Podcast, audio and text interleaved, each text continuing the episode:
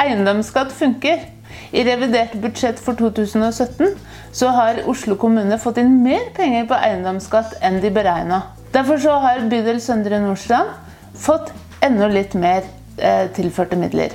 Vi får 5,6 nye årsverk i hjemmetjenestene, og vi får 4,5 millioner mer til økonomisk sosialhjelp. Det kommer godt med. Vi ligger fortsatt an til et merforbruk eh, totalt sett, men det er et mindre merforbruk enn vi har hatt på veldig, veldig mange år.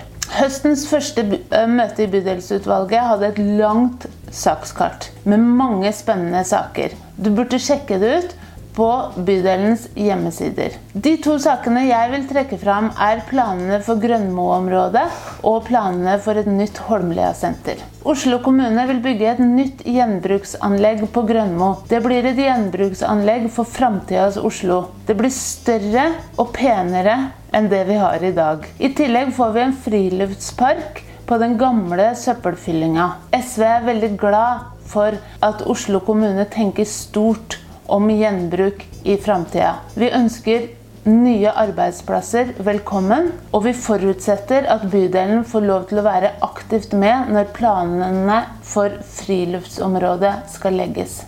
Planene for nytt Holmlia senter tar form. Kontorlokaler til bydelsadministrasjonen er nå lagt inn i senteret. Det er vi glad for. Samtidig betyr det at det biblioteket vi ønska oss, det blir det ikke plass til inne i det nye senteret. Vi legger til grunn at plan- og bygningsetaten finner nye lokaler til biblioteket i den eksisterende bygningsmassen på Holmlia senter. Lokalene biblioteket har nå, er ikke tilgjengelige nok, og vi ønsker oss et større og mer aktivt bibliotek. Det var et langt sakskart til det BU-møtet her. Sjekk gjerne de andre sakene på bydelens hjemmesider, så høres vi om en måned.